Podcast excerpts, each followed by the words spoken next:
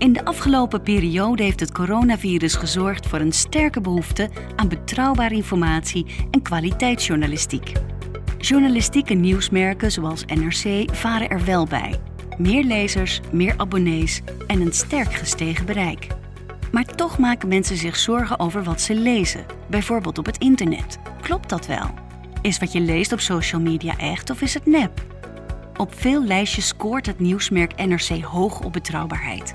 Maar welke aspecten zorgen ervoor dat de lezer een nieuwsmerk vertrouwt? Wat kunnen de media dan doen om dat vertrouwen vast te houden? Hoe blijf je als krant of tijdschrift betrouwbaar? In deze podcastserie van Magazine Media Associatie en NDP Nieuwsmedia zoeken we naar de antwoorden op die vragen. Dit is Trust in Media. Welkom. In deze aflevering praat ik met René Moerland. Hij is hoofdredacteur van NRC. Hij kent de krant als geen ander, zou je kunnen zeggen, want hij werkt er nu ruim 20 jaar, hè, als ik het goed heb. Dat klopt, deze eeuw. Ja, als politiek verslaggever. Ik ga eens even na. Correspondent in Frankrijk en in Brussel en chef van verschillende deelredacties. Dus hij heeft eigenlijk zo'n beetje overal op de, op de krant gezeten. De hele krant uh, uh, rond, rond, rondgelopen, rondgekeken en gewerkt vooral. Ja, is, is, mhm. is de redactie nu alweer een beetje normaler? Begint het er een beetje normaler uit te zien? Vergeleken met vorig jaar, toen we opeens dat verrassende bericht, of verrassend niet, maar in elk geval ingrijpende bericht kregen, uh, dat heel Nederland kreeg, we moeten vanaf nu thuis gaan werken. Uh mhm. -huh. Dat was voor ons ontzettend spannend. Uh, uh, journalistiek maken, de website maken, nieuwsbrieven maken, de kranten maken. Dat, dat deden we toch echt altijd bij elkaar, naast elkaar op een redactie waar je makkelijk tegen elkaar kan roepen. Journalistiek bedrijf je overal, maar het bij elkaar brengen van alle producten doe je op de redactie. Heel erg op ingespeeld. En opeens doe je het allemaal van thuis uit. Had je dat van tevoren gezegd, had ik niet gezegd dat we dat überhaupt konden. Uh, inmiddels zijn we er heel erg aan gewend. Zitten nadelen aan. We missen elkaar. maar uh, we, we kunnen het ook. Het is eigenlijk steeds de hele tijd goed gegaan. Er is een nieuw soort soepele werkmanier ontstaan van op afstand werken en bij elkaar werken. Nog steeds is het betrekkelijk rustig op de redactie. Nog steeds houden we die anderhalve meter um, in, uh, uh, in pacht. Dat doen we met een reserveringssysteem, zodat iedereen van tijd tot tijd er kan komen werken. De band blijft. Uh -huh. Tegelijkertijd zijn we de redactie aan het verbouwen. Uh, om een beter in te richten voor, voor onze toekomst. Ook in, in met alle werkervaringen die we in de coronatijd hebben opgedaan. Dus het is nog steeds betrekkelijk rustig, maar we zien wel iedereen en dat is altijd een feest. Ja, ja. We zijn het iets, iets interessants van, kon het eigenlijk wel, hè? Die, die, die krant maken? We wisten niet dat dat kon. Ik ken nieuwsmerken uh, waarvan redacteuren, eindredacteuren zeiden, ja, we doen nu even een tandje minder, want het, het kan gewoon niet. Mensen kunnen dit vanuit huis niet maken. Ja, wat wij steeds hebben gezegd tegen alle, kijk, journalisten uh, zijn ontzettend gedreven uh, mensen. Tegen journalisten hoef je bijna nooit te zeggen: ga toch eens wat harder werken. Want dat doen ze al. Ze weten dat hun werk belangrijk is. Ze zijn altijd uh, bereid om op elk moment met hun bronnen te spreken. Om nog eens wat extra te doen. Om een artikel beter te maken. Om een podcast beter te maken. dus wij hebben heel sterk tegen iedereen gezegd: denk om jezelf. Neem rust. Ga overdag ook wandelen als je de hele dag thuis zit. Werkt het in je, bij jou thuis avonds rustiger omdat je kinderen hebt? Zorg dan dat je overdag die andere tijd neemt. We organiseren ons daar met z'n allen omheen. Uh, dat is heel belangrijk. Ik denk niet dat er daarmee voorkomen is dat journalisten ook, ook thuis soms nog wel het gevoel hebben werken extra veel juist. Hè? Want ook die momenten dat je, dat je op je werk, nou ja, we kennen het allemaal, naar de koffieautomaat loopt en even met iemand kletst. Dat is ook werk, maar dat is dat is tussendoor. Dat is even lucht. Dat is even uh, een hand op een schouder, een compliment aan elkaar geven. Uh, dat doe je thuis allemaal veel minder makkelijk. Dan moet je eerst een teamsessie openen of zo. Of moet je elkaar even bellen. Dat is een veel grotere stap. Dat mis je ook, maar dat moet je ook compenseren door andere dingen te doen. Door even ja, tijd te nemen tussendoor om wat anders te doen. Uh, door, we hebben op een gegeven moment, dat noemden we brainwalks. Hebben we ingevoerd dat mensen uh, aangemoedigd dat mensen zelf afspraken met elkaar gingen maken om buiten even samen te wandelen. Niet om, om een artikel te bespreken per se of een project voor de komende weken, maar gewoon om er even bij te klitsen. Hm, ja, mooi. NRC Media heeft samen met onderzoeksbureau DVJ Insights uitgezocht hoeveel vertrouwen lezers dan hebben in, in NRC, welke redenen voor lezers belangrijk zijn. En ook een beetje wat NRC kan doen om dat vertrouwen vast te houden, stel ik me voor. Het resultaat daarvan is het onderzoek. Feitelijk betrouwbaar heet het. Wat vind je het belangrijkste dat daaruit naar voren is gekomen? Dit onderzoek uh, is uh, op een gegeven moment uh, um, opgezet door onze commerciële afdeling. in de wetenschap dat vertrouwen in media heel belangrijk is voor lezers natuurlijk, mhm. maar ook voor bijvoorbeeld adverteerders. En, maar iedereen heeft het over vertrouwen. Elk merk, niet alleen trouwens in de journalistiek, maar zeker ook in de journalistiek. En wij vroegen ons dus af, ja vertrouwen, maar wat betekent dan vertrouwen? En vertrouwen is bovendien iets dat je niet kan claimen. Je kan niet zeggen, ik verdien vertrouwen. Nee, ik moet jouw vertrouwen verdienen. Jij moet het waard vinden om vertrouwen te geven. En uh, daarop was dit onderzoek dus gericht. Waarmee uh, verdien je vertrouwen? Uh, en hoe kun je zien dat dat vertrouwen er is? Wat zijn de belangrijke nou, betrouwbaarheid? Je noemde het zelf al eventjes. Dat is iets anders dan vertrouwen. Betrouwbaar is iets wat je kan doen als medium. Hè? Je kunt zorgen dat je betrouwbaar bent. Je kunt zorgen dat je laat zien dat je ergens verstand van hebt. Uh, door verschillende artikelen over te laten zien. Door te laten zien wat een journalist allemaal verder heeft gedaan. Um, door uh, te laten zien ook dat je onafhankelijk bent. Dat is heel belangrijk. En dat blijken inderdaad, bleek uit dit onderzoek, allemaal indicatoren te zijn die het vertrouwen in een nieuwsmedium vergroten. Dus mensen vragen zich niet alleen af, ben ik het eens met wat er geschreven wordt, maar vooral, kan ik die informatie betrouwen, be, uh, vertrouwen? Is die betrouwbaar? En kan ik aan de hand daarvan zelf beslissen wat ik daar dan over denk? Ja, een, een ander onderzoek van um, ik geloof Reuters en het Commissariaat voor de Media laat zien dat mensen uh, steeds meer vertrouwen in traditionele media, noem ik ze dan maar even, krijgen. Waar de krant als NRC zeker ook onder valt. Maar tegelijkertijd, als je dat niet weet en even kijkt naar de discussies die er zijn over journalistiek, dan kun je ook heel goed uh, de mening oplopen: oh, uh, het wantrouwen tegen journalisten is aan het groeien. Ja.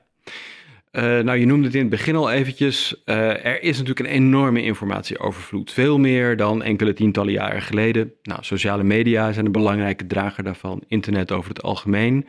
Uh, daar is ook veel gratis informatie. Um, nou, maak maar eens uit wat je kan vertrouwen. En dan ken je misschien NRC, dan weet je, NRC heeft een lange geschiedenis. Dat geldt ook voor nou, een publieke omroep, dat geldt voor een regionale krant. Dat helpt je dan om vertrouwen te geven. Mhm. Maar ik vind het wel normaal dat mensen die heel veel verschillende informatie zien vanuit verschillende bronnen, zich de actieve vraag stellen: kan ik het wel vertrouwen? vertrouwen moet nooit blind zijn. Je moet nooit denken: nou, dat geloof ik wel. Je vraagt je af waar komt die informatie vandaan? Waarom doen ze dat zo? En uh, waarom schrijven ze op deze manier over dat onderwerp? Waar baseren ze zich op?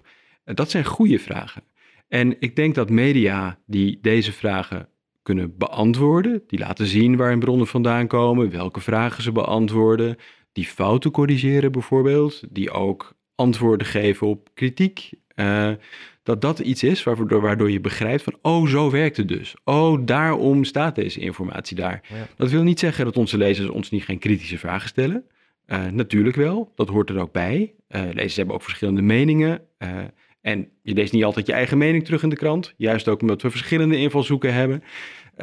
dus dat is normaal. Die interactie hoort erbij. En je ziet toch dat juist als je dat doet, juist als je uitlegt hoe jij in je informatie komt, welke vraag je stelt, welke verschillende gezichtspunten er zijn, -huh. Mhm. als je fouten corrigeert, dan zie je dat daarmee je vertrouwen verdient mensen. Dat is wat, wat, wat de cijfers ons ook zeggen, bijvoorbeeld. Ja, maar ik, ik, bedoel iets anders. De, de, die onderzoekers zijn er, die laten keer op keer laten ze zien het, het vertrouwen dat mensen hebben in Nederlandse journalisten, dat is aan het groeien. En tegelijkertijd, bedoel, er is ook een, een hoogleraar aan de Hogeschool van Amsterdam, Tamara Witsche, lector Creative Media for Social Change, en die zegt het wantrouwen groeit tegen de journalisten. Het ja, wantrouwen groeit. Toen dacht ik, wie heeft het ja. nou bij het verkeerde eind? Nou ja, dat zijn twee verschillende dingen. Hè. Je hebt, je, je, kijk, um, ik zeg dus in zekere kritische zin, kritisch ondervragen, dat, dat is gezond, dat hoort erbij.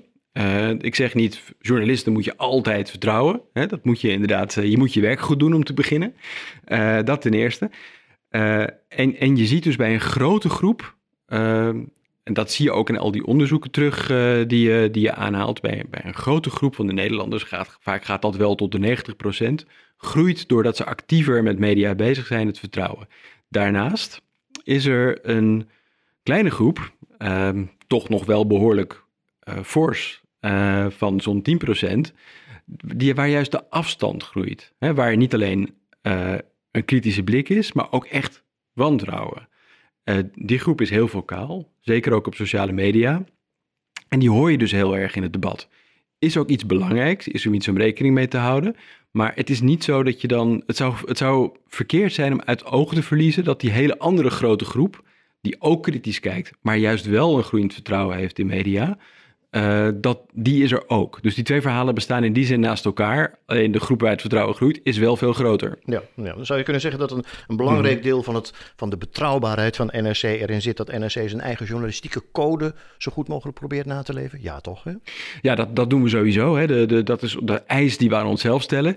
De journalistieke code, het is mooi dat je de, de, daarnaar verwijst. Um, uh, wat is dat? Ik denk dat veel mensen dat ook uh, niet weten. We hebben een pakket regels, hoe we ons gedragen, hoe we onze journalistiek uh, bedrijven. nou, daar staan onze regels voor de omgang met bronnen in. daar staat in dat we onderwerpen interessant vinden en kiezen omdat, ze, de, omdat ze een publiek belang dienen. Dat is een criterium dat we, dat we gebruiken.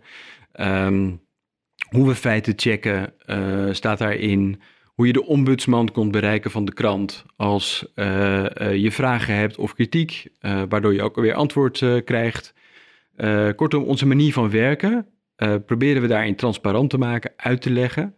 Um, en dat is een, een belofte aan onszelf, een eis aan onszelf, maar ook een belofte aan onze lezer. Ja, in de introductie van die code, die is voor iedereen in te zien, daar staat uh, nu nepnieuws en alternatieve feit de blik van de burger proberen te vertroebelen, zijn wij ervan overtuigd dat een grondige, transparante, degelijke en genuanceerde journalistiek van NRC meer dan ooit noodzakelijk is.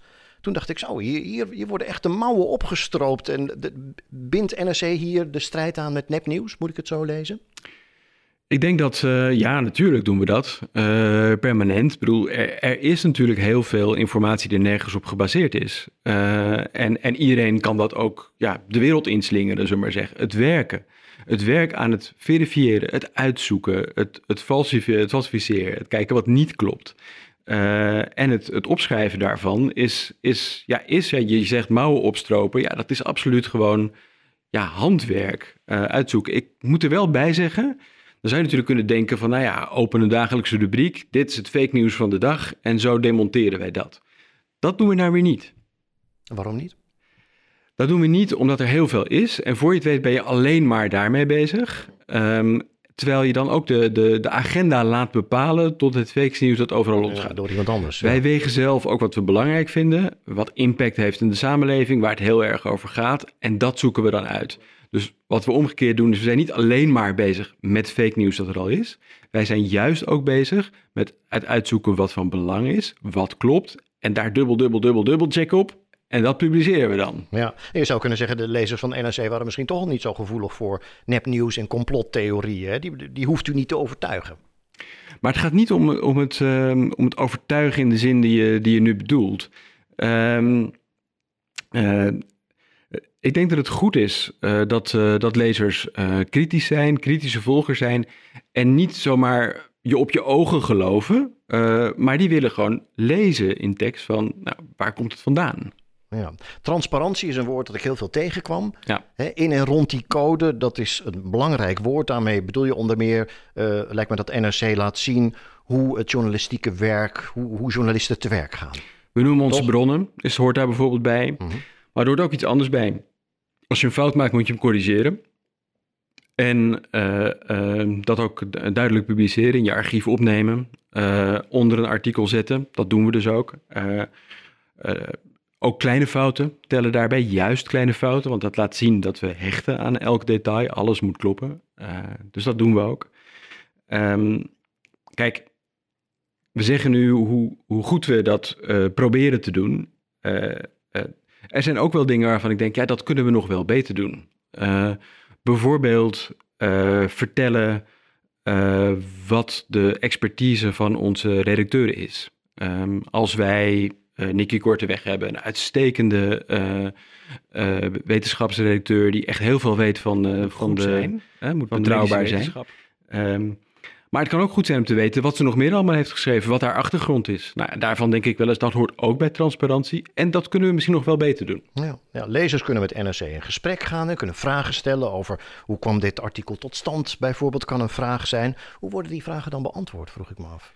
zoveel mogelijk om te beginnen. Ehm, dus de. Maar wie, wie, wie doet dat, bedoel ik? Ja, nee, als je uh, auteurs aanschrijft, dan antwoorden die zoveel mogelijk zelf. Natuurlijk hebben we ook een, een, een klantenservice waar heel veel vragen, algemene vragen binnenkomen. En die geleiden dan door naar de mensen die daar het antwoord op kunnen geven. Soms is het de redacteur zelf, soms is het een chef.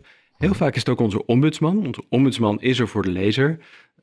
En die beantwoordt dan ook, die zoekt soms ook dingen uit voor, voor, voor lezers. En die neemt de vragen van de lezers serieus door soms ook echt op onderzoek uit te gaan. En in ieder geval altijd op te antwoorden. Ja, want mijn volgende vraag was van, hebben journalisten daar eigenlijk wel tijd voor? Om die vragen te beantwoorden bedoel ik. Nou ja, kijk, als we. Als we um, het is absoluut zo dat we bijvoorbeeld onze wetenschapsredacteuren. Op het hoogtepunt van de eerste golf, toen alles nieuw was met corona, kwamen er vaak tientallen vragen per, per, per dag binnen. soms heel gedetailleerd, soms over een onderzoek zus, onderzoek zo. relevant ook, vaak. Uh, maar dan wordt het inderdaad onmogelijk om ze allemaal op dat niveau te beantwoorden. Dus dan krijg je soms inderdaad wel versimpelde antwoorden. vaak ook één keer antwoorden en niet als iemand daar nog eens terug gaat, nog een keer erop doorgaan. Maar toch, elke dag nemen we daar wel graag tijd voor. Ja, transparantie kan ook betekenen dat NRC zich moet verantwoorden. Hè? Dat, zelfs in juridische zin. Ja. Hè? Als iemand zegt: Dit verhaal van u uh, dat klopt helemaal niet en een rechtszaak begint. Uh, dat gebeurt, neem ik aan. Uh, dat gebeurt wel eens, ja. Niet, ja. niet zo vaak gelukkig dat het echt tot rechtszaken komt. Je kan ook naar de Raad van Journalistiek gaan. Dat maar het ook kan voorkomen dat u in het beklaagde bankje Klopt, dat klopt. Staat, dat komt en voor, ja. En dan worden, dus, dan worden de eisen gesteld aan uw transparantie. Kunt u een, een voorbeeld geven van hoe dat kan lopen in zo'n zaak? Ja, uh, kijk, onze journalistiek moet goed onderbouwd zijn. En het is ook wel een mooie uh, drempel om te zeggen: ja, uh, journalistiek bronnenwerk moet kloppen. Maar als je eenmaal ooit voor de rechter komt met een artikel, wil je ook nog steeds altijd kunnen bewijzen dat alles klopt. Ik, denk nu even aan een voorbeeld. We hadden een keer een onderzoekstuk over misstanden. rond taxiverkeer op, op, op Schiphol. Daarbij was de positie van, uh, van de, de taxichauffeurs uh, waar het om ging uh, eigenlijk heel precair. Um, en die getuigde daar namelijk anoniem. Um, nou, zei een van, de, van degenen die in dat artikel eigenlijk werd beschuldigd achter die misstanden te zitten. van nou, dat is eigenlijk die anonieme klachten, dat, dat houdt geen stand. en die besloot dat voor de rechter te brengen. Terwijl u er heel veel gesproken had hè, voor dat verhaal, weet ik nog.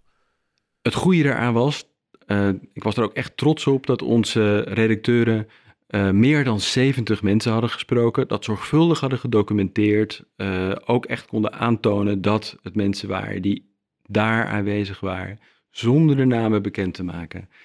uitstekend konden onderbouwen en dat de rechter ook zegt, ja kijk, hier is dus echt zorgvuldig gewerkt. En dan zie je, en dat gebeurt ons gelukkig heel vaak, dan zie je eigenlijk dat een rechtelijke uitspraak nog de betrouwbaarheid bekrachtigt en verstevigt. Ja, ja dat snap ik. Uh, een onderdeel van de betrouwbaarheid van NRC, zo, zo blijkt uit onderzoek, hè, en ik wil daar graag uw mening over horen, is um, dat het ook heel erg te maken heeft met de mate waarin lezers betrokken kunnen raken bij NRC. Ik bedoel de, de, de mogelijkheid tot interactie. Ja. Bij, bij welke kanalen van NRC kan ik interactie krijgen, of zijn ze dat allemaal?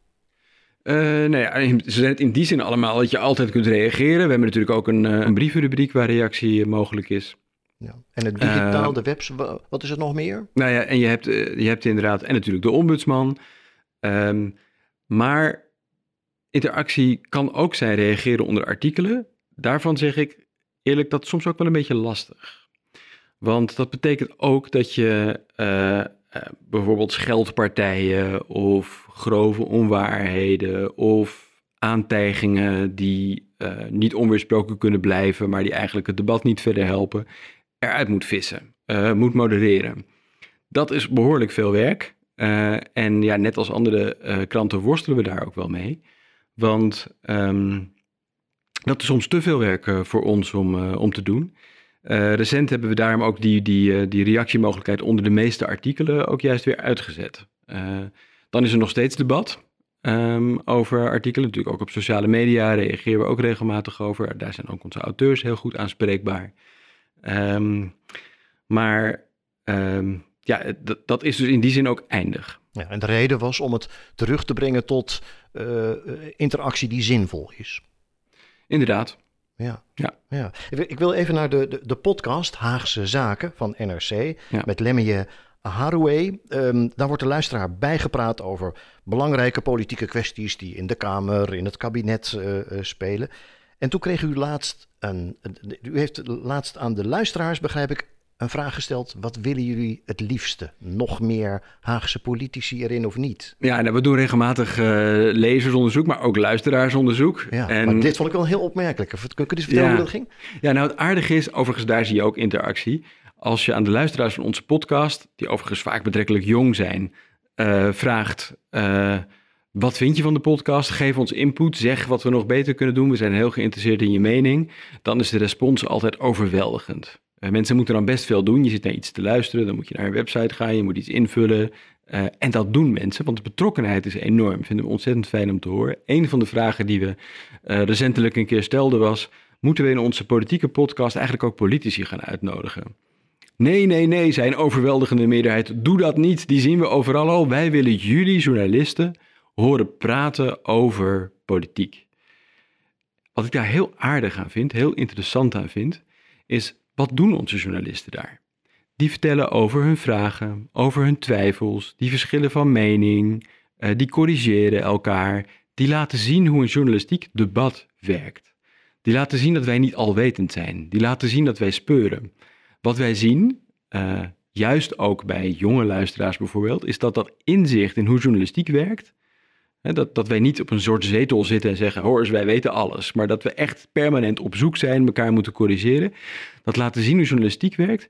Dat is een heel belangrijke motor, een heel belangrijke reden om podcast te luisteren. Maar ook om het vertrouwen te versterken. Praten over hoe journalistiek werkt. Daarbij laten zien ook wat je niet weet. Laten zien waar je, waar je twijfels hebt. Laten zien wat nou eigenlijk je vraag is. Waardoor je wordt gemotiveerd. Ja, dat is dus heel belangrijk. Dat is deel van journalistiek. Ja, ja. En, en hoeveel invloed, hoe belangrijk zijn cijfers voor u als hoofdredacteur? Kijkt u ook wel eens naar, naar uh, hoeveel kliks er op een artikel op de website is geweest of hoeveel luisteraars uh, een podcast kreeg? Tuurlijk, uh, data daarover zijn er om te kennen. Die zijn hartstikke interessant. Elke journalist wil gelezen worden, of beluisterd, of gekeken items die je maakt. Uh, en je wilt weten, hoe bereik ik mijn publiek? Uh, hoe bereik ik het beter? Het is niet uh, per se een wedstrijd van, tussen alle artikelen over wie bereikt het meest. Je weet dat sommige onderwerpen een groter publiek is dan voor andere onderwerpen. Um, maar ook voor de, laten we zeggen, onderwerpen met een kleiner bereik, wil je dat bereik wel weer verbeteren, want je wilt de mensen bereiken voor wie die informatie goed werkt. Soms leer je bijvoorbeeld dat een bepaalde kop beter werkt dan een andere kop, omdat je artikel dan vaker gelezen wordt. Nou, dat vind ik nuttige informatie, daar kijken we naar, daar leren we van. En het grappige is, dan wordt al heel snel geroepen, oh dat is clickbait, dat is slecht. Maar mijn ervaring is nou juist, onze ervaring is, uh, dat bijvoorbeeld als je onderzoekt welke kop werkt goed, wel welke koppen werken goed? Feitelijke koppen koppen die zeggen wat er in een artikel gebeurt. Je moet daar geen, uh, niet per se overdreven termen voor gebruiken, of hele emotionele termen, of, uh, of sensationele termen. Nee, vertel de lezer wat hij gaat krijgen in een artikel dat hij gaat lezen, dat hij gaat aanklikken. Dat werkt veel beter. Eigenlijk past dan uh, de, de, informatie die data je geven heel goed bij ons journalistiek. Daar kun je dus ook in kiezen. dus als we zeggen data zijn belangrijk, zeggen we niet, nou, data regeren en dus wordt alles maar hetzelfde en alles wordt clickbait. Zo werkt het niet. Nee, dat is meer een soort verbetering van het ambacht. Ja. Ja, helder. Ik wil nog even terugkomen op die coronaperiode, die nou hopelijk voor het grootste deel achter ons uh, ligt. Het publiek van NRC is in die tijd gegroeid, hè? dat is duidelijk. Op welke manier?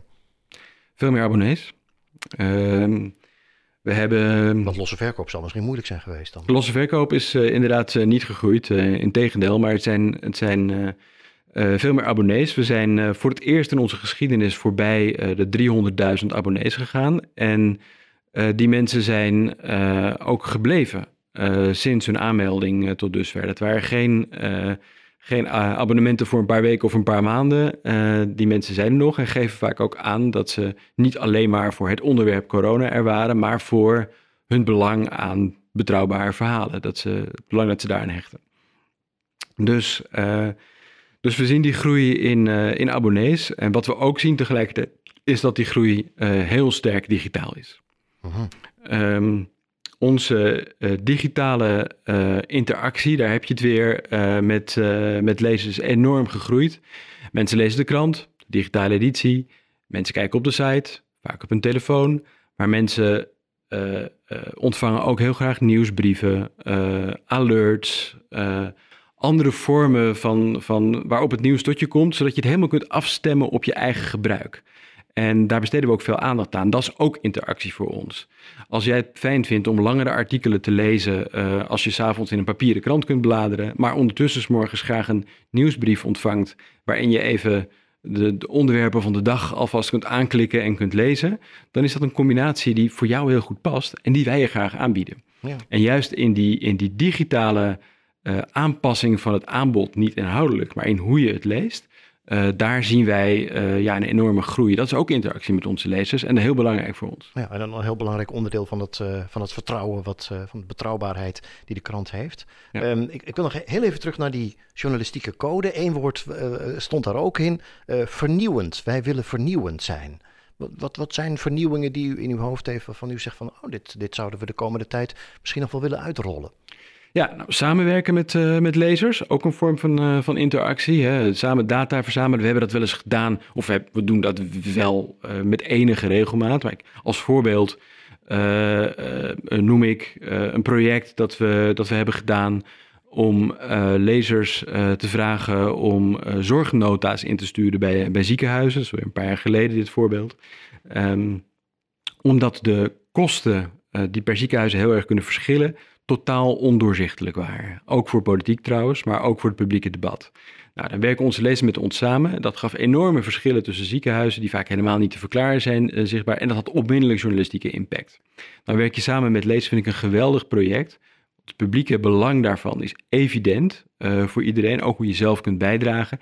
Nou, hier kunnen we nog veel meer aan doen. Daar zie ik naar uit, dat gaan we ook uitbouwen. Bedankt voor dit gesprek. Dankjewel. Trust in Media. Er zijn ook andere afleveringen die je kunt eh, beluisteren, waarin we onder meer in gesprek gaan met Helene van Santen, nieuwe hoofdredacteur van het weekblad Margriet. En daarin vertelt ze onder meer dat ze verrast was door het vertrouwen dat de lezers in Margriet hebben. Waardoor ze soms heel openlijk op de Facebookpagina van Margriet iets over hun eigen verhaal vertellen. En ze zegt: Sinds ik hoofdredacteur ben van Margriet heb ik meer mailtjes gehad dan ik ooit in mijn leven heb gehad. En ze zitten nog maar zes weken. Meer informatie staat op trustinmedia.nl. Abonneer je vooral op deze podcast, want dan komen andere afleveringen vanzelf in je podcast-app. Als je anderen wilt wijzen op deze podcast, doe dat dan vooral door een review achter te laten.